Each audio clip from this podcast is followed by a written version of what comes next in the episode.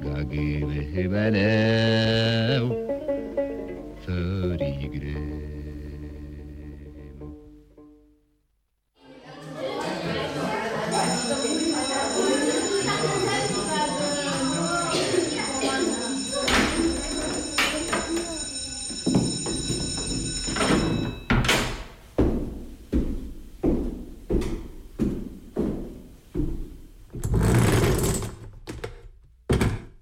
gostujočimi komentatorji in komentatorkami vsak ponedeljek sprevračamo katedro Radia Student. Premislimo izobraževanje pod katedrom. Mišel Ser, palčica.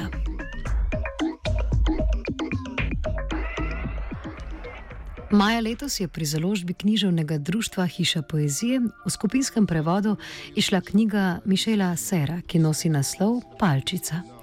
Prevod je prišel po šestih letih, ki so pretekle od prvotnega izida knjige v Franciji.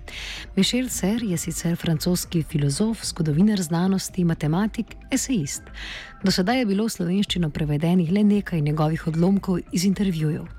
Palčica pa je njegova prva knjiga, ki je v celoti prevedena v slovenščino.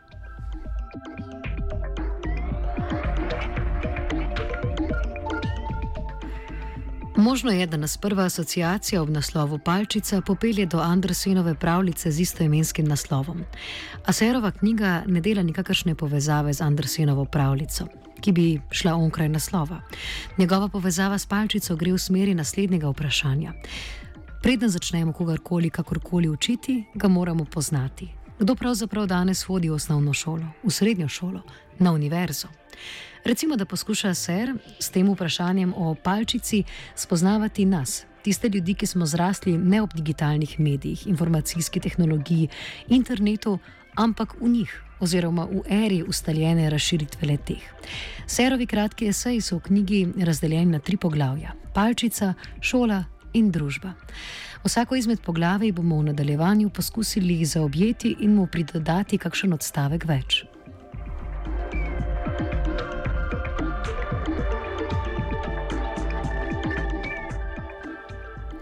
Palčica. Prvo poglavje poseže v premislek o pogojih in obdobju, v katerem je bilo rojeno palčičino telo. Pričakovana življenjska doba je zdaj blizu 80 let. Telesno življenje se je s tem podaljšalo. Če so naprimer naši starši dedovali pri 30 letih, bomo mi verjetno na svojo dediščino čakali do starosti. Zaradi česar prenos premoženja poteka drugače. Danes si nekateri zvestobo poroki obljubijo za več kot pol stoletja. S tem se pojavi tudi drugačno razumevanje razmeri. S podaljševanjem časa izobraževanja, prepletanjem časa za delo in prosti čas in morebitnim podaljševanjem časa za upokojitev se spreminjata med drugim tudi samo razumevanje starostnih obdobij ter odnos do dela in počitka. Naše rojstvo je bilo verjetno načrtovano v porodnišnicah in porast razvoja medicine, ki nas je zaradi analgetikov in anestetikov do določene mere rešila nepotrebnega trpljenja. V takšne pogoje in obdobje je vsaj v nekaterih predeljih sveta vstopilo naše rojeno telo.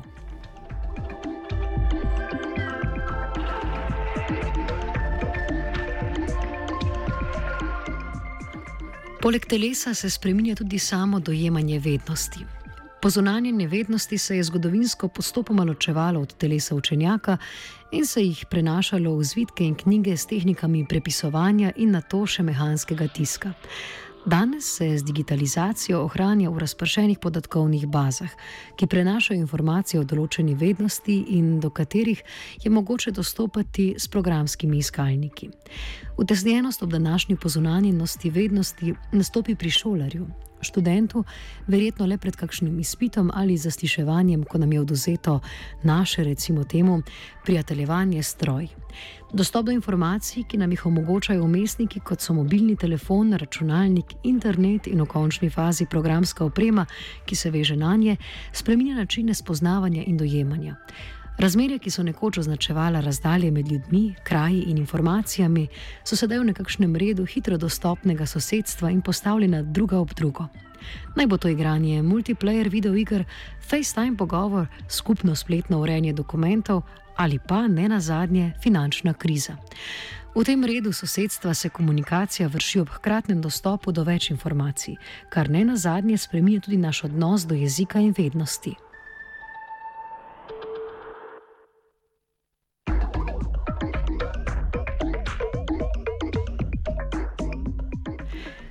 Sera lahko na tej točki malo upočasnimo in temu poglavju pridodamo, da sta do danes ta pozunanjenost in razpršenost vednosti dobili tudi svoje nove monopole nad informacijami, ki nosijo določeno vednost. Vendar ta monopol ni zgrajen na poskusih vzpostavitve reprezentativne vednosti, kajti reprezentacija vednosti je izgubila svojo etično moč. Pa naj ta dobiva še toliko in toliko folklornih, raziskovalnih, učiteljskih, znanstvenih in drugih nagrad. Točke moči danes prebivajo v omrežjih, računalnikih, algoritmih, informacijah in podatkih, ki hkrati delujejo nereprezentativno.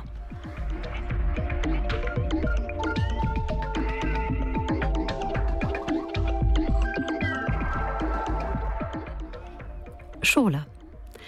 Danes živimo kot otroci knjige in vnuki pisave. V tiskani obliki je danes pisanje prisotno povsod. Ta tiskovina ima obliko strani, glede na to obliko je organizirana večina stvari, od zemljiških knjig in načrtov mest, vse tja do gradbenih načrtov in spalnic. Na tej prostorski enoti zaznavanja, dejanja, mišljenja in načrtov so postavljene tudi šole in univerze. Mar nas nove tehnologije silijo, da izstopimo iz tega prostorskega formata, ki sta ga navdahnili knjiga in stran? To je vprašanje, ki si ga v drugem poglavju postavi Ser.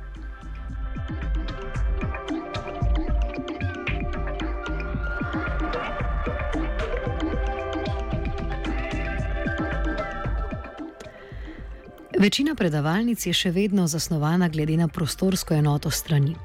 O pričetku predavanja se pred katedrom pojavi profesor, ki prične z govorom posredovati tisto, kar je že deloma zapisano v knjigah. Občasno naredi kakšno novo povezavo med teksti in nadaljuje z razlago naslednjega prispevka. Študenci ob tem dela zapiske, saj ve, da bo profesorjeva razlaga merodajna na izpitu. V primeru, da upravlja študentsko delo in zato nima veliko časa za prebiranje in ponavljanje snovi, mu takšno podajanje snovi verjetno najbolj ustreza.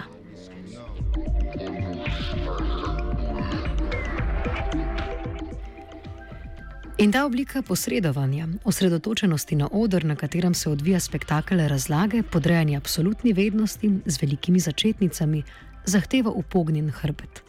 Vendar ne zaradi učiteljev, profesorjev, ampak zaradi tega, ker vedno sama zahteva ponižna telesa, vključno s hrbti tistih, ki to vednost imajo. V tem smislu je telo učitelja najbolj podrejeno, za ostale so na voljo le strnjene vrste z lesenimi sedeži.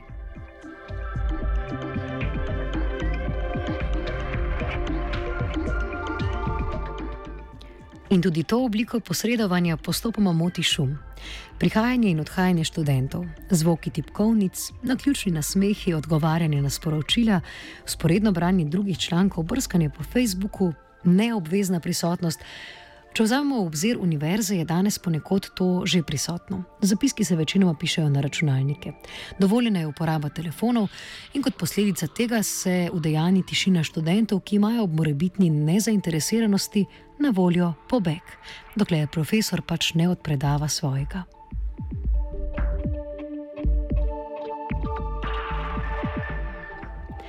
Ni se samo palčica osvobodila svojega mirnega sedenja v vrstah, ampak se je hkrati osvobodil tudi spektakel, ki se odvija pred katedrom. Težko bi zanikali, da se danes skoraj na vseh korakih srečujemo z določenimi pedagoškimi prijemi. Od kadrovnikov na trgu delovne sile, ki nas poučujejo o vrednotah, do aktivacije brezposelnih, podjetniških veščin, samoinduciranega entuzijazma, do čustvenega dela, umetniških del, ki uporabljajo pedagoške prijeme in seveda medijske politike, ki je skoraj v celoti pedagogizirana. Nekako se zdi, da se družba discipliniranega spektakla vse bolj obrača, oziroma se je že obrnila v smer družbe pedagoške kontrole.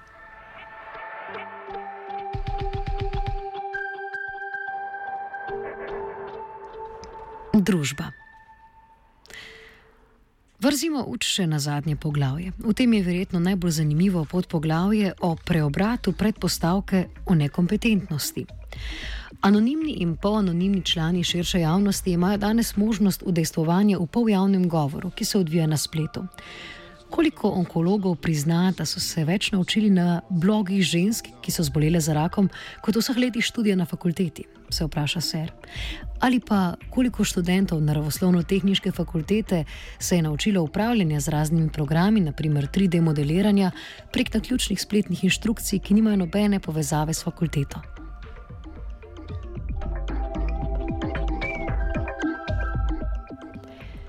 To izmenjavanje glasov vzpostavi drugačna ravnovesja pri izobraževanju, zdravstvu in delu. Nastajajo drugačne virtualne skupnosti. Poslušanje v takšnih skupnostih nadzoruje poslušalec. Tega spremlja govor drugega, ki ga lahko poslušalec ustavi, ter se kasneje vrne k njemu. Nastane nekakšno vzajemno poslušanje, ki pa ga danes spremlja tudi obvezno beleženje vsesplošnega ocenjevanja in predpisovanja.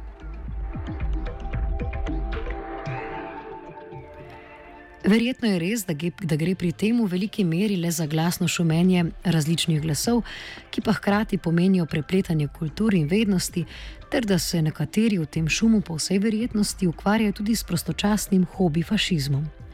Kultura je zgodovina v njeni reprezentacijski formi, saj družbeno življenje v njegovi celoti ne more biti direktno izraženo. Zato je kultura bolj nezmožnost reprezentacije družbenega življenja. Zaradi tega je pomembno posvetiti tudi nekaj pozornosti tem šumom, ki nastajajo in se kopičijo v ozadju ter dajajo obrise zgodovini.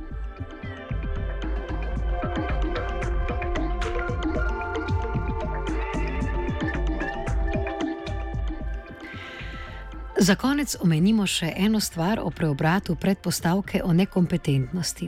Reči trenutnemu času neoliberalen, postneoliberalen ali še kaj je verjetno preveč enostavno. Čas je pač takšen, kakršen je. Skupno pojmenovanje, iskanje pojma ali koncepta je brezpredmetno. Verjetno so bolj zanimivi procesi, ki so najprej v času po drugi svetovni vojni osvobodili in pognali nekatera telesa, da so lahko akumulirala lastnino. Sedaj so ta telesa osvobojena informacij o njih samih, kar je naredilo informacije za lastnino na sebi. Danes je informacija osvobojena telesa tista, ki kontrolira telo. Kar je verjetno izkusil že vsak, ki za kratek čas ni imel ali pa je izgubil osebne dokumente. S tem se je, glede na predpostavko o nekompetentnosti, napolnila kar zajetna košarica informacij o kompetencah, ki sedaj rahljajo nekompetentnost. Kdo jih lahko na to kontrolira, glede na to, da je moč razpršena?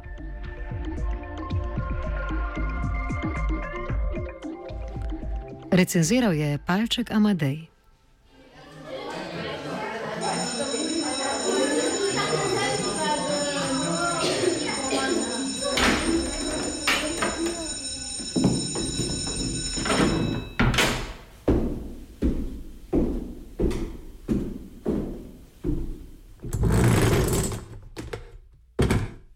Gostujočimi komentatorji in komentatorkami vsak ponedeljek sprevračamo katedro Radia Student. Premislimo izobraževanje pod katedrom.